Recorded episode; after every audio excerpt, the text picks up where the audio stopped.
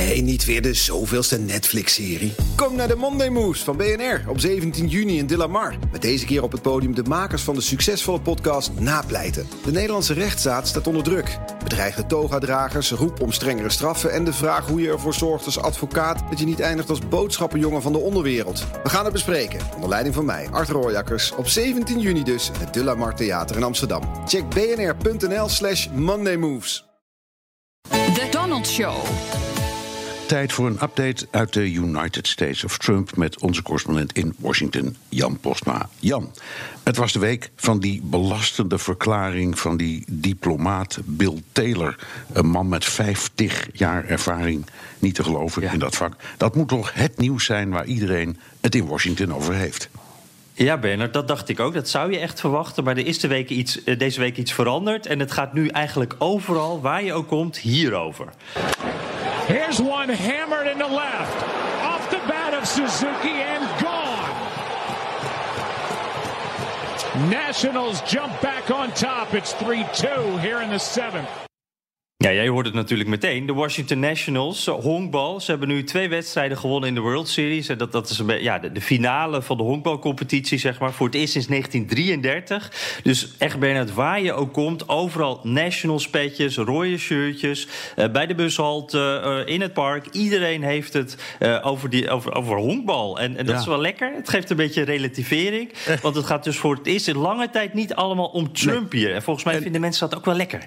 Ik hoorde de naam Suzuki Suzuki in het uh, radiocommentaar. Hoe, ik vraag ja. me af hoe Trump daar tegenaan kijkt. Zo'n enge vreemdeling, nou, maar oké. Okay. hij, hij, hij, komt uit Hawaii.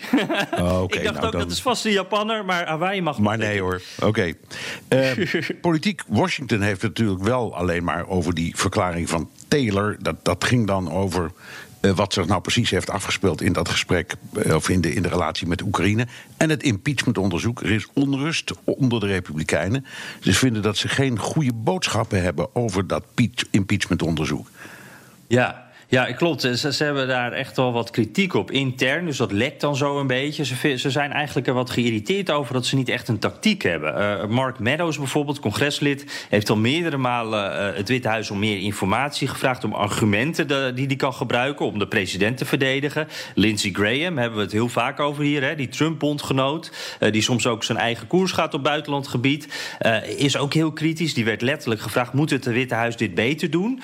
ja, zei hij toen alleen een beetje beetje, een beetje, beetje bozig. En het probleem is eigenlijk, de verdediging in de media is eigenlijk een one-man band. Hè. Het is Trump die alles in zijn eentje doet. Dat werkt ook met zijn tweets. Hij heeft enorm bereik. Iedereen heeft het er altijd over. Maar niemand is voorbereid op wat hij nou weer gaat zeggen. Dus als Trump bijvoorbeeld uh, impeachment met lynchings uh, vergelijkt, nou, dan schrikken Republikeinen daar ook van. Want ja, dat moeten ze gaan verdedigen. En ze zagen dat niet aankomen. En het ene, ene moment verdedigen ze dat, het andere moment ja, zegt hij weer wat anders. En dan staan zij weer een beetje in hun hemd. Dus zij willen meer coördinatie.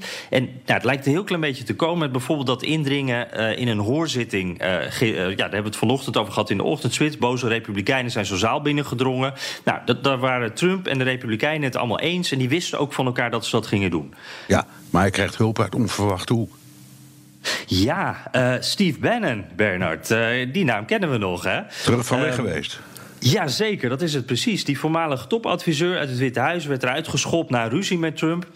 En Bannon die ziet dit allemaal eigenlijk met ledenogen aan. Hij zegt dit is een dodelijke bedreiging voor Trumps presidentschap. Maar we nemen het allemaal niet serieus genoeg. Er moet meer gebeuren om tegen die democratische mediacampagne op te kunnen. Hij noemt het echt een geoliede machine. En zijn, zijn handen jeukten. Hij wilde ook wat doen. Dus begint hij een dagelijkse podcast. En dat klinkt zo. We're going to go all the way through seven days a week until Donald J. Trump is acquitted by the United States Senate in his impeachment trial. And we anticipate, at least everything has been forecasted today, that that will take place sometime around Christmas Eve or the day before Christmas Eve. Ja, dus Bannon doet ook meteen een voorspelling. Voor de kerst is de afronding van het proces. En tot die tijd gaan wij door. Uh, en, en die podcast is eigenlijk voor Trumpers die op zoek zijn... Nou, precies naar wat we net noemden. Naar strategie, naar argumenten. En dat kan dus voor ons ook een mooi kijkje in de keuken zijn. Dat is heel interessant. Hij had meteen ook wat tips. Uh, hebben het niet steeds over de deep state. Daar heeft uh, Trump het vaak over. Hè. Dat is alleen maar demotiverend voor mensen. Want als iedereen inderdaad in de regering tegen Trump is... wat kan je dan nog? Dan kan je nog net zo goed niks meer doen. allemaal dat soort praktische informatie. Ik ga het volgen. En ja, het is een beetje een, een potentiële concurrent hè, voor de Amerika-podcast. Dus we moeten het wat in de gaten houden. Ja, ja zeker. Nou, ja, misschien moet ik je uitnodigen, joh. Um, ja, goed idee. Ja, ik dacht dat Steve Bannon zijn schepen had verbrand in Washington. Ja, nee, dat, dat, is, dat is ook gewoon zo. Hij, hij uh, had ruzie met Trump. Uh, iedereen die, die heeft hem een beetje uitgekotst hier in Washington. Maar hij, hij blijft op zoek naar invloed. Dus hij, hij was in Europa, hè, in Italië. Nou, daar, daar, is hij blijkbaar weer even klaar. Is ook niet helemaal gelukt daar allemaal. Uh, maar ja, dat Witte Huis komt hij niet meer in, dat weet hij. Dus nu doet hij het met een paar oude bekenden. Dat is Raheem Kassam, dat is een voormalig hoofdredacteur van Breitbart. Waar, ja, in de, de UK. website, waar, ja. Ja, klopt. Waar Ben zelf ook vandaan komt. En Jason Miller, dat was de, de mediaman van het Trump-transitieteam. Dus hij grijpt een beetje uit die succesvolle periode terug. En ze doen het vanuit de kelder van die stadsvilla... van waaruit Breitbart ook lang werd gerund. En waar Bannon ook lang woonde. Dus uh, nou, het is even weer terug naar zijn oude roots. Ik ben er wel eens binnen geweest. Time Magazine met, met Bannon uh, op de cover. Die lag er op tafel. Donkere ruimte, wordt altijd een beetje geheimzinnig over gedaan. Daar is Bannon nu dus weer terug.